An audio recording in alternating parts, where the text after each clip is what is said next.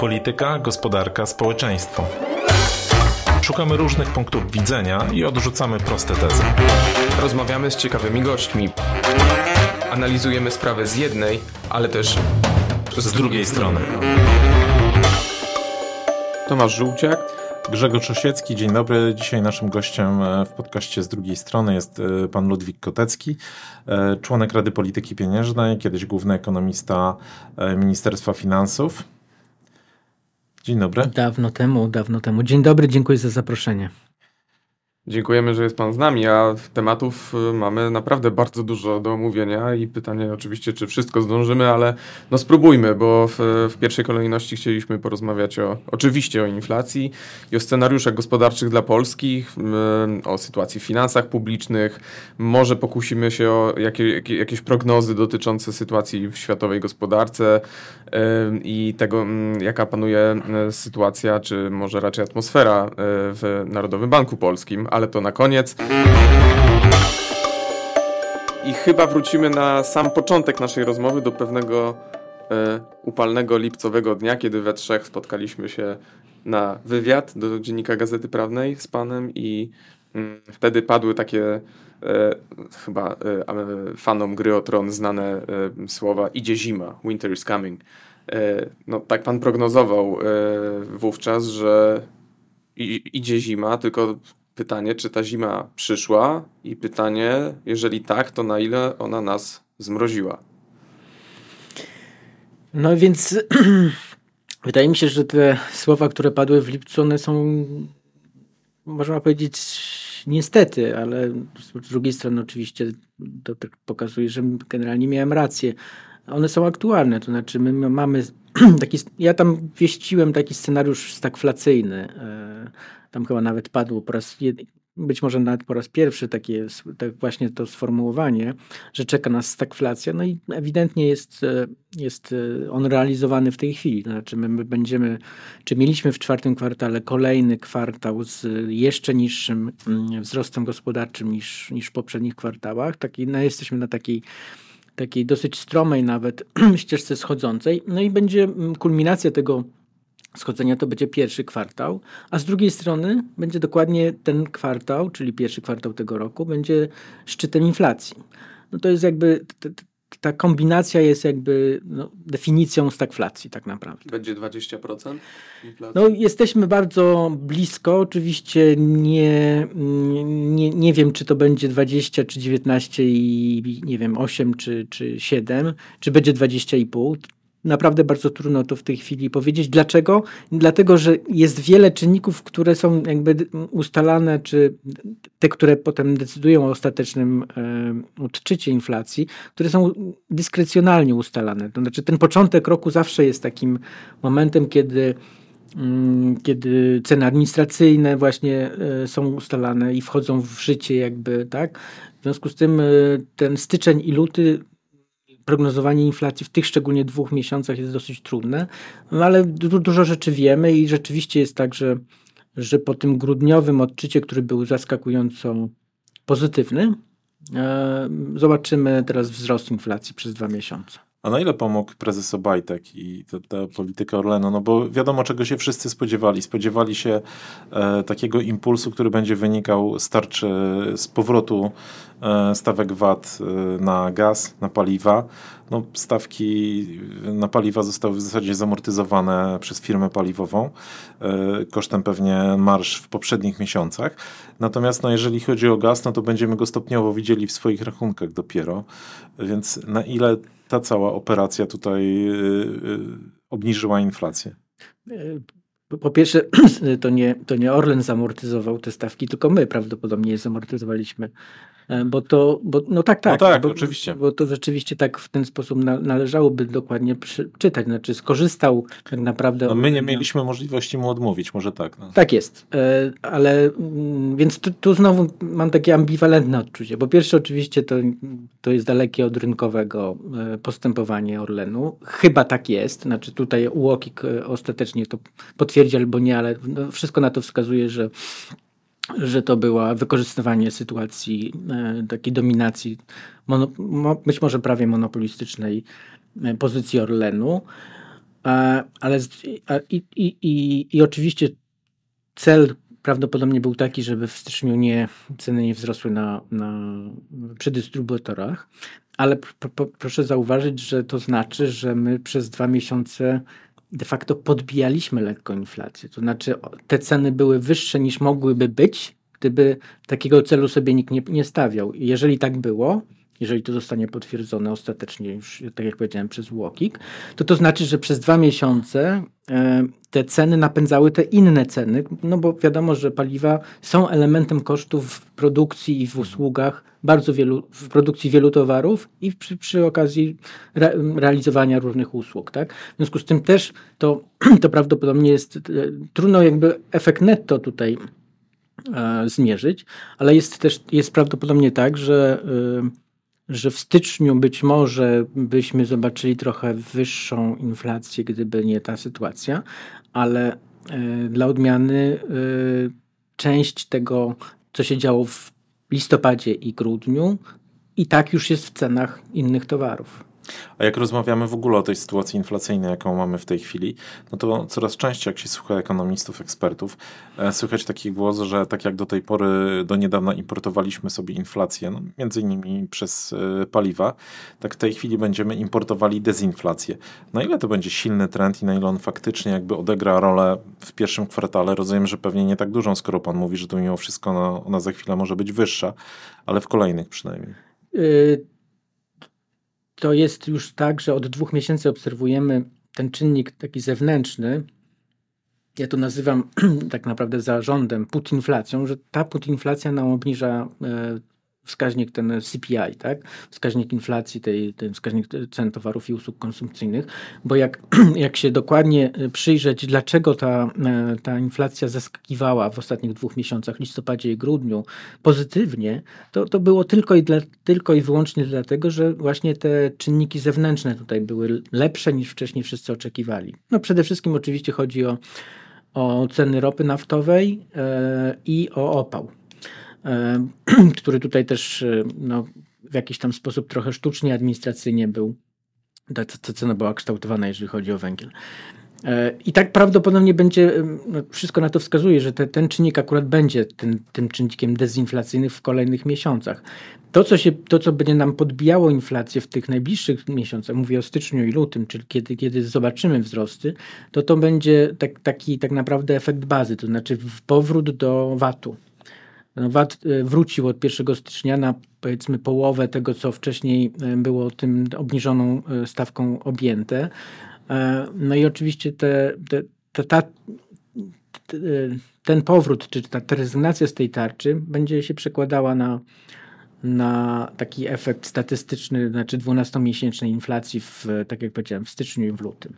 Natomiast to, co niestety martwi, i to, i to będzie dłużej z nami, i, i tu na to putinflacja, to w cudzysłowie, ma mniejsze oddziaływanie, no to jest kwestia tej inflacji krajowej, e, czyli bazowej tak naprawdę, czyli ta, ta część inflacji, na którą polityka pieniężna powinna mieć w, mocny wpływ. Na razie ta, ta inflacja bazowa będzie nam rosła. Przez na, najbliższe kilka miesięcy ona będzie nam rosła. A to co będzie miało na to wpływ? My ostatnio robiliśmy takie dwa sondaże e, z United Surveys dla DGP i RMFFM i tam pytaliśmy po pierwsze o to, czy inflacja będzie wyższa czy niższa niż w zeszłym roku. No i 47% ludzi mówi, że będzie wyższa, a 27% że pozostanie na tym samym poziomie, 20% że będzie niższa. Co ciekawe, tutaj jest bardzo wyraźny podział, jeżeli chodzi o elektoraty, to, to, to znaczy wśród wyborców obozu rządzącego panuje przekonanie o tym, że inflacja będzie raczej niższa w tym roku, a wśród elektoratu opozycji, że raczej wyższa. No i zrobiliśmy jeszcze jedno badanie, gdzie prosiliśmy e, ludzi o to, żeby podali, jaka ich zdaniem jest inflacja. E, no, wiemy, że to ostatni odczyt NBP to jest niespełna 17%, 16% z haczykiem.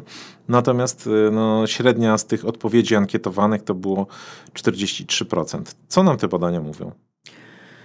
Co, e, w kontekście jakby walki z inflacją. No mówią nam przede wszystkim dwie rzeczy. Po pierwsze, że ludzie postrzegają wzrost cen, postrzegają tak zwaną inflację postrzeganą, widzą na takim wysokim poziomie, no bo oni, każdy z nas ma trochę inny koszyk konsumpcyjny, inne towary kupuje i e, w różnych miejscach też je kupuje, tak? Znaczy w dyskontach albo nie w dyskontach i tak dalej, i tak dalej.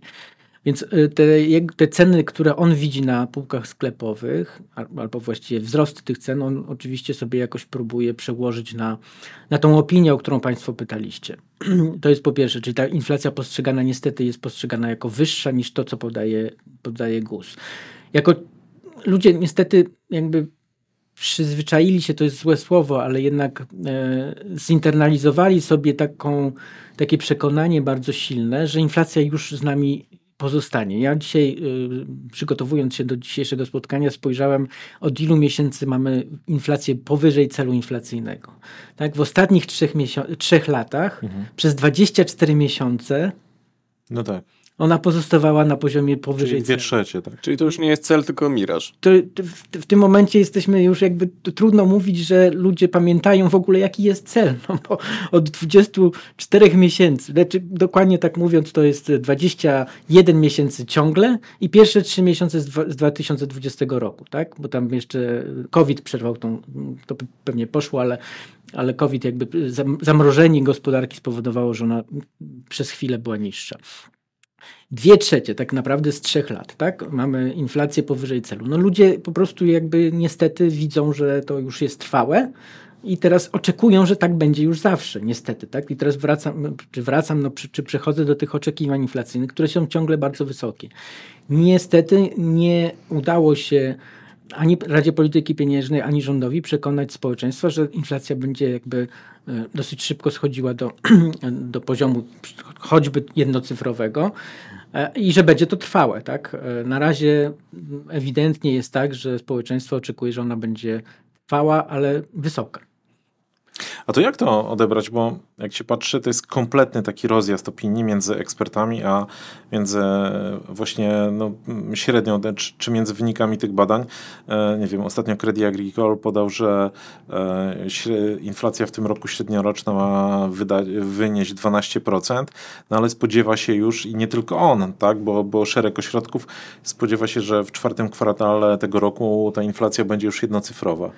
No tak, tylko to są, to są tak zwani profesjonalni analitycy, którzy mm, no, dużo bardziej dużo więcej czasu poświęcają te, analizie te, te, tego, co się dzieje z cenami towarów i usług w, w, gospodarce. Natomiast społeczeństwo niestety adaptacyjnie podchodzi do, do inflacji i do pytania o inflację. Znaczy adaptacyjnie w takim sensie, że że oni najczęściej mniej więcej uważają, że to, co jest obecnie, tak albo będzie, było tak. w niedalekiej przeszłości, to, to, to tak będzie też w tej, tej takiej przewidywalnej przyszłości, czyli na następne 12 miesięcy. Mniej więcej to tak się przekłada. Oczywiście zaskakujące jest, że oczekiwania są takie, jak, jak pan tutaj wspomniał, że to ma nawet 30-40%, skoro inflacja nie, póki co nie przekroczyła tych 20, o których żeśmy rozmawiali. No ale tak jak powiedziałem, to jest kwestia tego postrzegania inflacji. Chciałbym zapytać Pana o, o strategię, o metodę walki z tym e, zjawiskiem, bo mam wrażenie, że cały e, miniony rok spędziliśmy na takiej dyskusji, że z jednej strony mamy Radę Polityki Pieniężnej, która próbuje e, dolewać wody do ognia, a z drugiej strony rząd, któremu zarzucano, że dolewa oliwy wypłacając kolejne dodatki energetyczne czy kolejne emerytury. No, ale jesteśmy tu, gdzie jesteśmy, jesteśmy w takim momencie i w takiej sytuacji. E, I znów wrócę do tego wywiadu e, z lipca 2022 roku, w którym pan e, przepowiadał, że no, czeka nas podręcznikowa stagflacja. Czy my wiemy, jak walczyć ze stagflacją? Bo z inflacją teoretycznie wiemy, inna sprawa, jak to wychodzi, ale czy wiemy w ogóle, jakie mechanizmy zastosować na taki scenariusz? Dobra, to kilka rzeczy. Po pierwsze, rzeczywiście było tak i no to, to niestety można powiedzieć, że to był potężny błąd. Luzowanie e, polityki budżetowej w, w sytuacji, kiedy wzrost przeciętny wzrost w zeszłym roku 4,5%, realny, realny wzrost PKB. No w takiej sytuacji to raczej należało zacieśniać tę politykę, bo to tak by naprawdę było rzeczywiście dolewanie oliwy czy benzyny do tego ognia. Polityka pieniężna jeszcze nie zdążyła zadziałać, bo to bo tak naprawdę rozpoczęła zacieśnianie w samym końcu 2021 roku, czyli tak naprawdę dopiero teraz powinniśmy zacząć widzieć jakieś skutki tego zacieśnienia. Póki co nie widzimy, bo to powinno być e, widoczne w tej inflacji bazowej, o której trochę mówiłem. E, więc mieliśmy taką sytuację, że polityka pieniężna jeszcze nie mogła działać w 22, a, a budżetowa dolewała te, tej, tej, benzyny. No, oczywiście to się musiało skończyć tym, czy się skończyło, czyli mm, no, wybuchem tej inflacji do poziomów, jakie, jakie widzieliśmy, czyli blisko 20%. Teraz Yy, pytanie o stagflację i walkę ze stagflacją. To jest najgorszy z możliwych scenariuszy dla makroekonomistów. Znaczy, bo to jest ka każde działanie, które tutaj próbowałoby walczyć z częścią tej stagflacji, powoduje, że druga część tej stagflacji się tylko nakręca i napędza. Tak? Znaczy, jeżeli próbujemy w takiej sytuacji napędzać wzrost gospodarczy, to jednocześnie napędzamy inflację. Jeżeli próbujemy walczyć z inflacją, to hamujemy wzrost, który jest bardzo niski. No, wszyscy oczekują, że w tym roku to będzie między zero, między stag stagnacją, a jednym procentem. Są oczywiście też tacy, którzy widzą szansę na, no szansę, no to złe słowo, no ale ryzyko, może ryzyko e, recesji w tym roku. Tak? W związku z tym tu, tutaj znowu podnoszenie czy zacieśnianie polityki pieniężnej albo nawet y, budżetowej w takiej sytuacji jest, jest bardzo trudne tak, dla polityków, bo... No i mamy wybory jeszcze, tak? No, to, to, to jest jakby taki czynnik jeszcze dodatkowy, ale który utrudnia oczywiście. Ale wracając jeszcze na chwilę do tej, do tej sytuacji makroekonomicznej. Znaczy każde działanie tutaj musi być jakby obliczone na to, że będzie tylko częściowo skuteczne. Tak? No bo albo to, albo to. Trzeba by sobie wybrać. Oczywiście trzeba byłoby się cofnąć. Nie można było dopuścić tak wysokiej inflacji w Polsce. Kropka. I to wtedy byłoby dużo łatwiej teraz e, sobie radzić z sytuacją e, tego silnego spowolnienia, który, o którym też już rozmawialiśmy, czyli no będziemy widzieć w pierwszym kwartale, w tym, w, w, jesteśmy w styczniu, więc e, w, w, tym kwartale, w którym jesteśmy, roczny spadek PKB, tak? I to dosyć głęboki. A to nie może się wydarzyć e, jakaś tego rodzaju cudowna sytuacja, nazwijmy to, jak mieliśmy na przykład z pandemią, gdzie na początku, na początku też się wydawało, że no, to będzie e, jakieś fundamentalne zagrożenie. Ono przyszło, trwało półtora roku de facto mniej więcej Mieliśmy pierwszą recesję, taką prawdziwą od, od początku transformacji w zasadzie. E, no ale potem mieliśmy taki wybuch ożywienia, który też dołożył swoje do, do tej inflacji. I czy teraz też nie będzie tak, że tak jak z zewnątrz te wszystkie zagrożenia jakby się spiętrzyły i nagle przyszła taka olbrzymia fala inflacyjna, no to nie wiem, e, będzie na przykład rozejm na Ukrainie, sytuacja na rynkach paliwowych się uspokoi i jakby wrócimy na właściwe tory. No niestety ten scenariusz jest bardzo, bardzo, bardzo mało realistyczny. Znaczy spowolnienie takie strukturalne to jest zupełnie coś innego niż taki szok mm, epidemiologiczny tak naprawdę, tak? Ten, ten covidowy.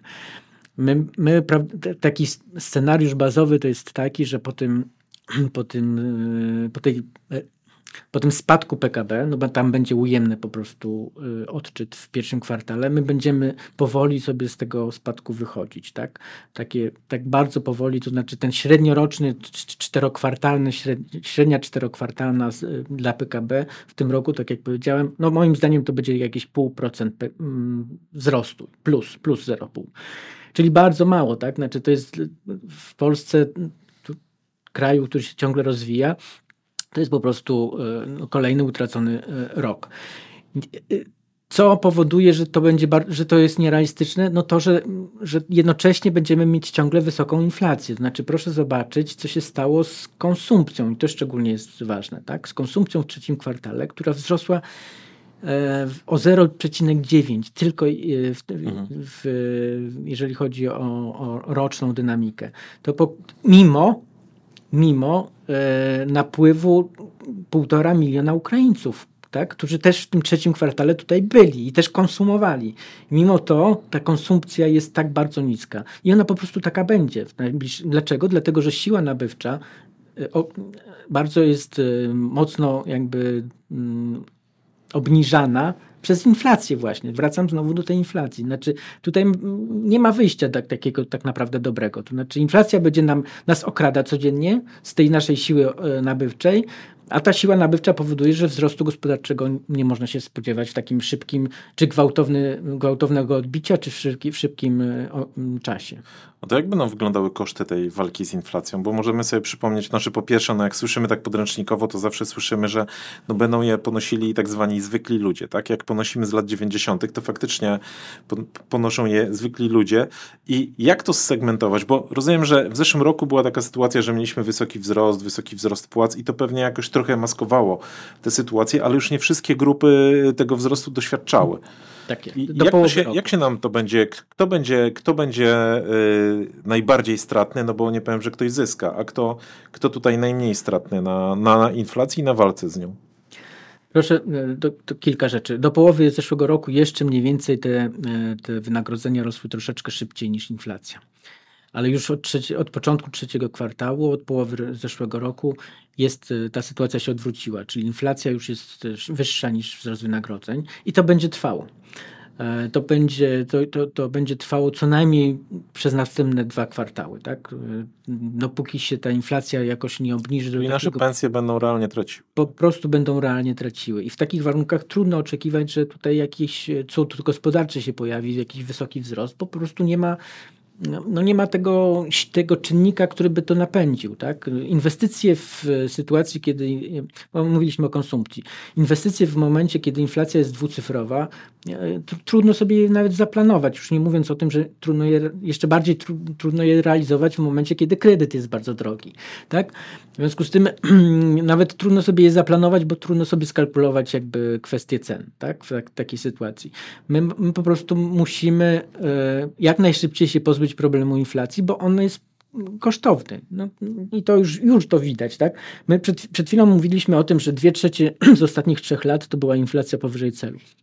Tylko, że to nie jest koniec. Znaczy, następne dwa, 12 miesięcy, co najmniej 12 miesięcy, ja pra, a ja uważam, że to będzie kolejne 24 miesiące, ta inflacja będzie ciągle pozostawać powyżej celu.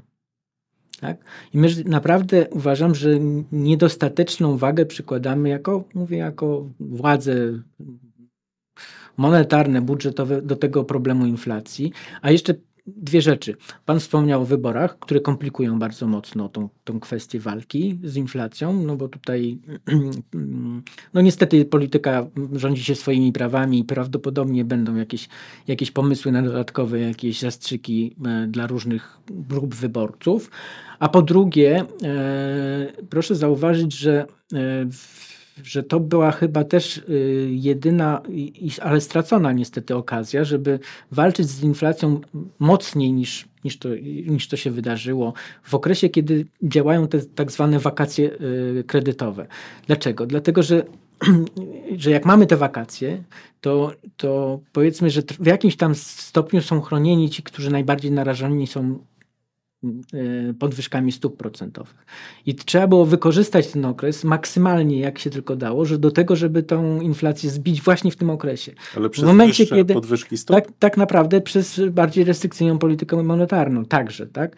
Bo skoro tutaj nie mogliśmy liczyć na i prawdopodobnie nie możemy liczyć także w tym roku na, na zacieśnienie budżetowe, no to trzeba było pewnie zacieśnić trochę bardziej monetarnie, dlatego że w momencie, kiedy wygasną nam te wakacje, a to będzie koniec tego roku, to, to wtedy ka każdy ruch na stopach będzie jedno jednocześnie dużo bardziej bolesny niż to jest dzisiaj, tak? jeżeli chodzi o, o kredytobiorców.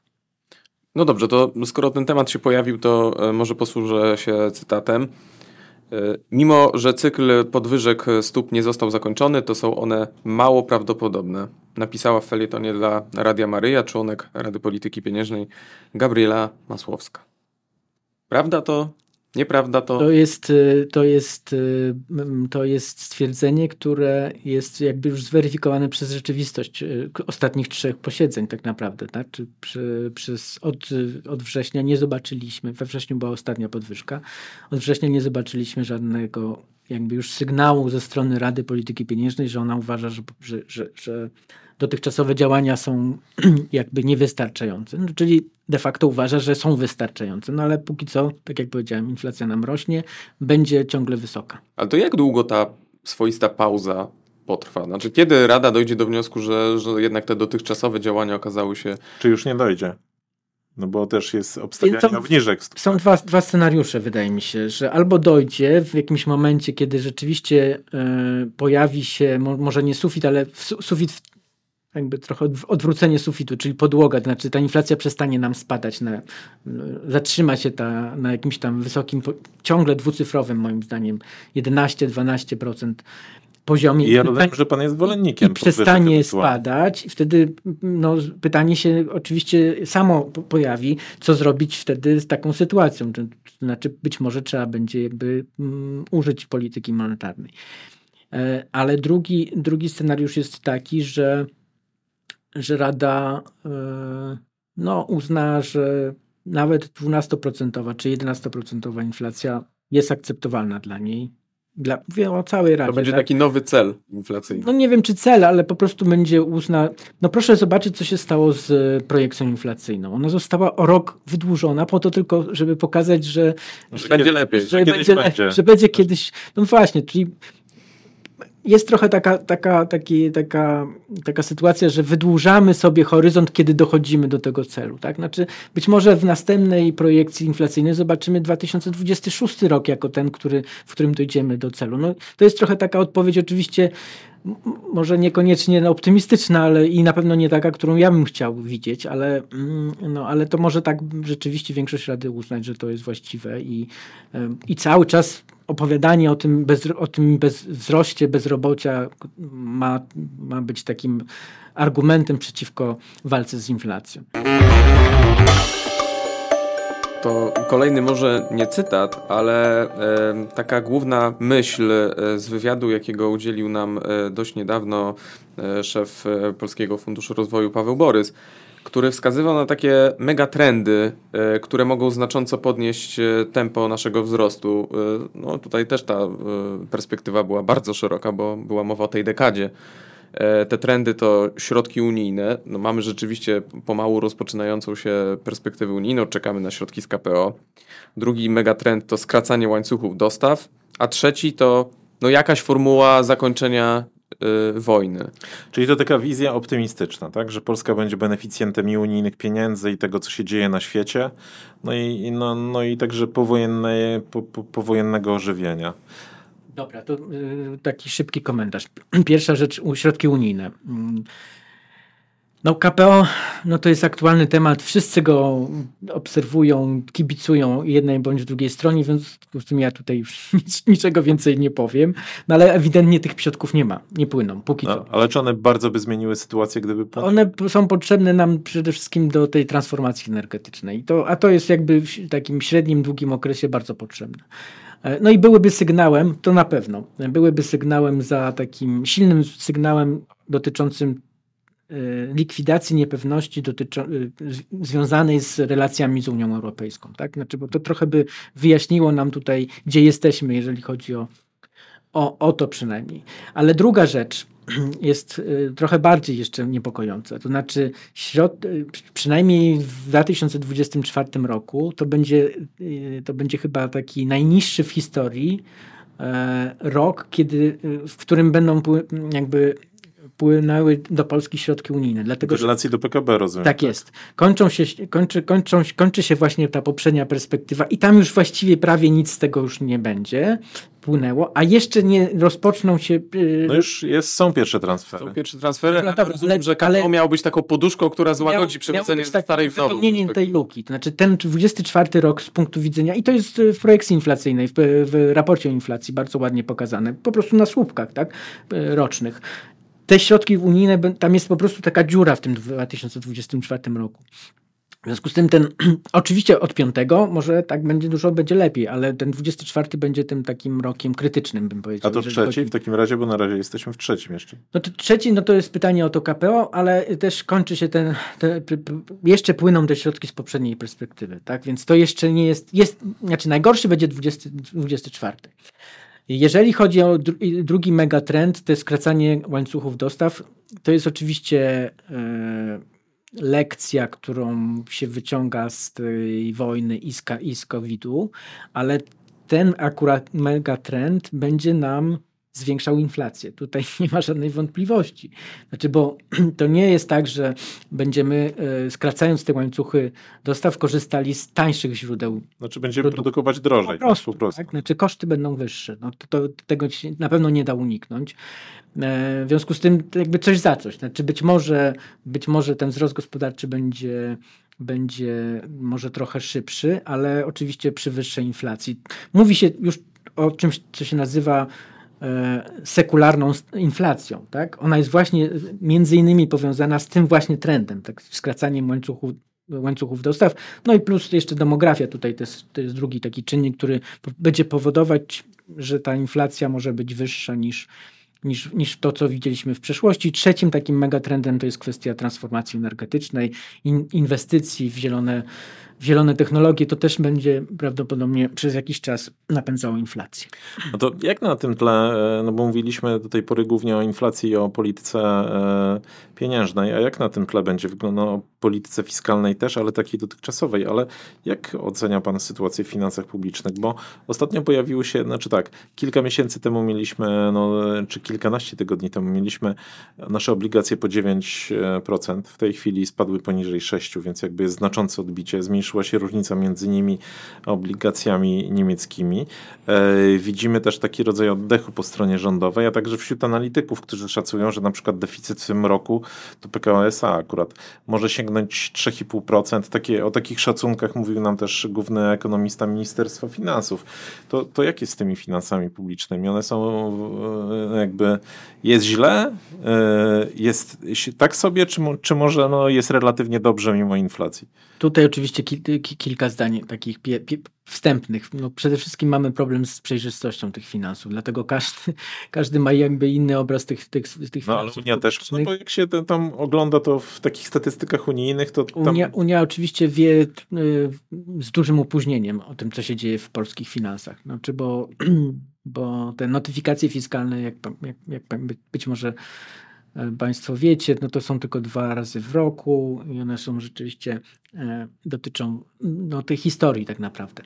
Teraz wracając do, do stanu finansów, no to to, o czym Pan wspomniał, 9%, no to był sygnał bardzo jasny, że że coś jest nie tak. Znaczy to, to nie wynikało tylko i wyłącznie z wojny, bo wojna się zaczęła w lutym, a, a problem z polskimi obligacjami to był październik e, tak naprawdę. Tak? W związku z tym tam sygnał po, poszedł moim zdaniem bardzo jasny ze strony inwestorów, że, że żeby nie szarżować z tymi finansami publicznymi, może także z punktu widzenia oni być może oczekiwali, czy, czy, czy obawiali się, że w roku wyborczym będą jakieś takie nadmierne te obietnice już w projekcie budżetu.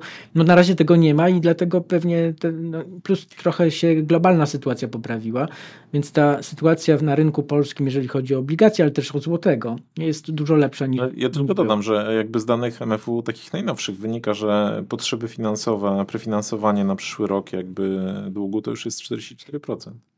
Tak, ale tutaj to jest trochę mm, takie mm, bałamutne, może tak bym powiedział. Bałamutne. Tak, dlatego, dlaczego? Dlatego, że e, w to wliczana jest tak, tak zwana poduszka płynnościowa. I ona ona jest, Nad 100 miliardów złotych. Ona jest dzisiaj 100 miliardów złotych, ale rok temu była 160 miliardów. W związku z tym ona jest dużo mniejsza niż była w zeszłym roku.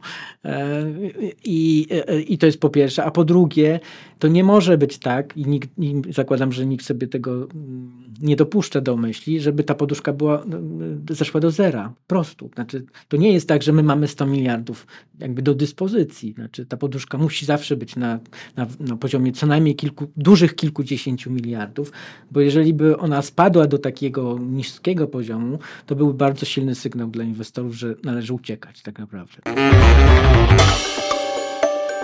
No dobrze, ale to, to, to, to, to co jest z tymi finansami? To w jakiej one są formie i czy jakby grozi im na przykład taka wyborcza licytacja? No bo z jednej strony mamy rząd, pan, pan znaczy widać, że na razie faktycznie te obietnice są takie no, nazwijmy to oszczędne, tak? 14 emerytura na stałe, coś co miało być, ale z drugiej strony, ze strony opozycji też mamy, jakby nie ma deklaracji jakiejś, że ona coś tu będzie odpuszczała, że będzie zwiększała dyscyplinę finansów publicznych.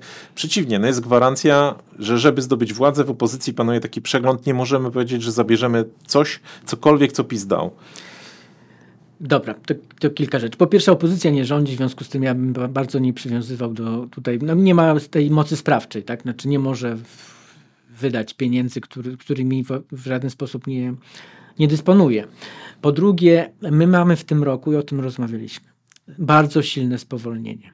Bardzo silne spowolnienie. To oznacza, a, po, a podatki są, czy dochody budżetowe są bardzo silnie procykliczne.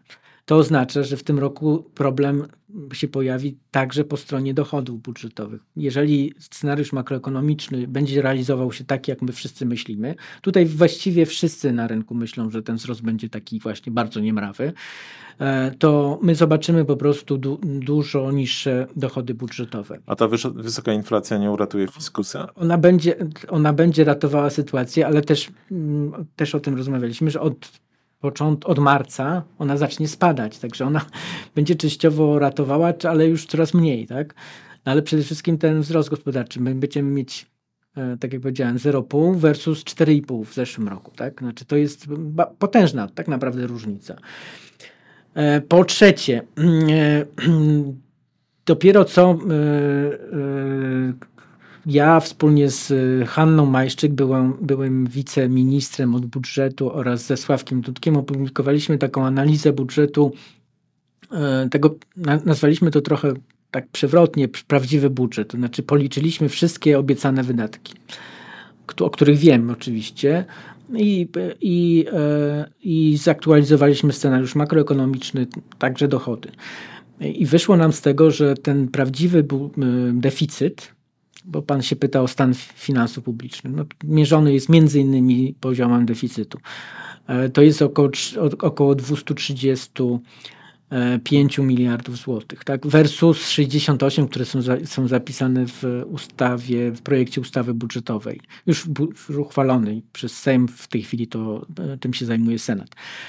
E, być może jest tak, że część tych wydatków po prostu nie zostanie zrealizowana, bo jest kwestia finansowania, bo jest kwestia finansowania, o którym trochę żeśmy rozmawiali. To znaczy, będzie trudno pozyskać, a szczególnie relatywnie tanio, środki, które, które, które są, e, które mogłyby służyć finansowaniu aż takiej, e, tak, tak dużych wydatków, aż tak dużego deficytu tak naprawdę. Wspomniany przez pana Sławomir Dudek bardzo często w takim alarmistycznym wręcz tonie mówi y, o tym, czy zadaje głośno pytania, ile budżetu w budżecie. Ponad 420 miliardów jest poza budżetem centralnym. Czy, czy to jest coś, co w ogóle powinno nas martwić? Bo zawsze w tej dyskusji słyszymy, że ale o co chodzi?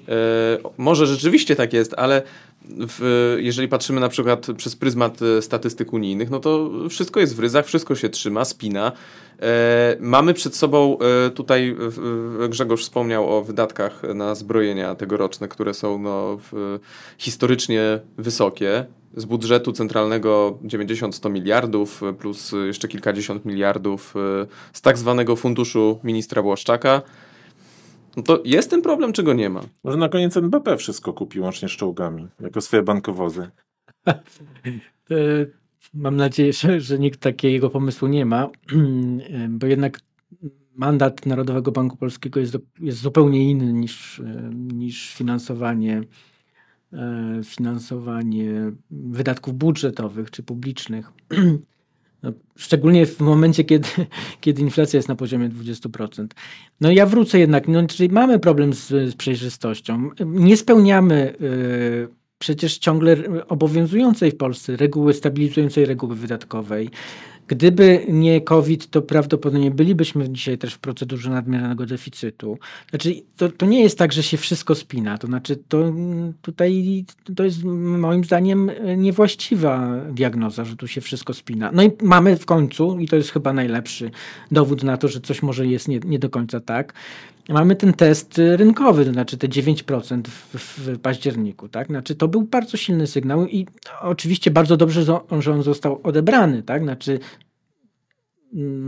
był odbiorca, który natychmiast ogłosił szukanie oszczędności, tak, tak jest. E, I też mam nadzieję, że będzie jakby się trzymał tego, że należy jednak no, oglądać te, te, te, te wydatki z każdej strony, zanim się wyda jakieś pieniądze, e, w sytuacji, kiedy ma się bardzo silne spowolnienie, bardzo y, takie niekoniecznie jasne perspektywy odbicia wzrostu gospodarczego i bardzo wysoką inflację.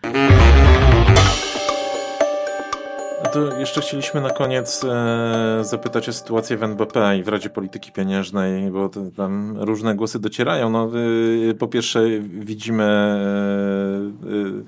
y, y, widzimy no, coś, co można powiedzieć konfliktem po prostu. E, ale też widzimy, że Państwo zdaje się zostaliście odcięci od części analityki NBP-owskiej, co z punktu widzenia osób, które no, mają podejmować decyzje o polityce pieniężnej jest szczególnie istotne. Jakie są perspektywy? Jak to wygląda dzisiaj? Jakie są perspektywy, że to się zmieni, a może się nie zmieni? Więc wiele się nie zmieniło, znaczy w takim sensie, że te problemy, o których, o których mówiliśmy, mm, one ciągle istnieją. Jest jedna zmiana, którą zresztą wywalczyliśmy my, znaczy my, czyli członkowie senaccy. Mianowicie mamy w końcu dwudniowe posiedzenia Rady Polityki Pieniężnej. Tak? Czy to jest y, y, jakby po tym pierwszym posiedzeniu dwudniowym właśnie na początku stycznia mogę powiedzieć, że to bardzo było potrzebne. I szkoda, że, że właściwie od, od y, nawet od początku zeszłego roku tak, tak nie było. A to czemu ten dzień robi taką różnicę? Już, już właśnie wyjaśniam. Mamy cały dzień na to, żeby spytać bo na sali oprócz nas y, są no, jakby osoby, które przygotowują różnego rodzaju analizy, żeby dopytać, mm, przedstawić opinię alternatywną albo spytać o interpretację różnych, różnych e, zjawisk albo różnych liczb da, danych tak dalej. Więc to jest cały dzień na to, żeby przejść przez wszystkie materiały i spytać autorów o, o szczegóły albo no tak, dopytać. Tak? E, w związku z tym to jest e, tak, że już e, jakby mamy, mamy kontakt z żywymi ludźmi, którzy mają ogromną wiedzę, tutaj to, to trzeba przyznać, i, i którą szko szkoda, że nie mogliśmy z niej korzystać wcześniej tak naprawdę. Tak? E, albo konfrontować tą wiedzę z, naszą, z naszymi opiniami. Bardzo często też one są bardzo różne tak, wśród członków. W związku z tym to, to jest coś, co, co jakby, jakbym zaliczyłbym na plus, tak, jeżeli chodzi o to, co się ostatnio w Radzie dzieje. No i też jest trochę tak, że rzeczywiście ci członkowie się docierają czy ucierają. Tam będzie pewnie, mam nadzieję, ta atmosfera coraz lepsza. Wśród, na, wśród nas. Oczywiście problemy te stare zostają, to znaczy dostęp do do bazy RADA, tak naprawdę, czyli do tej bazy wiedzy, którą, którą kiedyś mieliśmy, jest wciąż, wciąż utrudniony, ale mam nadzieję, że to, także to się może kiedyś zmieni. A to jeszcze na koniec y, ostatnie pytanie. Jeżeli pan miałby tak y, w perspektywie dwóch, trzech lat wymienić największe szanse i największe zagrożenia dla, dla, y, dla Polski, jeżeli w kontekście gospodarczym, no niestety bardzo łatwe to pytanie jest. No, no bardzo, bardzo. No problem pierwszy to jest ta kwestia inflacji. Znaczy bez tego y, poradzenia sobie z inflacją nie będzie w Polsce niskich stóp procentowych, a bez niskich stóp procentowych też nie będzie jakby ożywienia w inwestycjach i tak dalej. To jest po pierwsze. Po drugie, wydaje mi się, że niestety ten wzrost gospodarczy, on już nie będzie, nie powróci do takich takiego tempa, jaką, jakie, jakie obserwowaliśmy w przeszłości. To znaczy, my będziemy niestety, czeka nas prawdopodobnie kilka lat, yy, mówię o perspektywie, o którą Pan pyta, kilka lat takiego wzrostu jedno-dwuprocentowego, tak? No i trzecie oczywiście to jest y, może tak, taki, y, taka kwestia, którą pewnie najłatwiej będzie sobie z nią poradzić, czyli uporządkowanie finansów publicznych. Tak? Znaczy po, tych, po tym po, tym, po tej dezintegracji finansów publicznych, która następowała przez ostatnie kilka lat, trzeba jakby wrócić do, do, do uporządkowania tego wszystkiego, zastanowienia się e, nad strukturą i dochodów, i wydatków, i tak dalej. No, wydaje się, że to jest tak, także potrzebne. A pozytywy? Pozytywy mam nadzieję, że się, wo- że się wojna skończy. Znaczy to, tego byśmy sobie wszyscy życzyli. Chociaż oczywiście znowu tutaj muszę powiedzieć, że paradoksalnie ta wojna nam pomogła z punktu widzenia rynku pracy. E, bo gdyby pewnie nie wojna, to tych pracowników byśmy mieli dostępem do tych pracowników jeszcze gorzej. A to znowu jest y, jakby kwestia demografii. No to jednak miało być optymistycznie, a także jest nieoptymistycznie. E, dziękujemy bardzo gościem. Bardzo dziękuję jeszcze raz. Prosto z drugiej strony był Ludwik Kotecki. Dziękujemy. Dziękujemy bardzo. Zapraszamy za tydzień. Polityka, gospodarka, społeczeństwo. Szukamy różnych punktów widzenia i odrzucamy proste tezy. Rozmawiamy z ciekawymi gośćmi. Analizujemy sprawę z jednej, ale też z drugiej strony.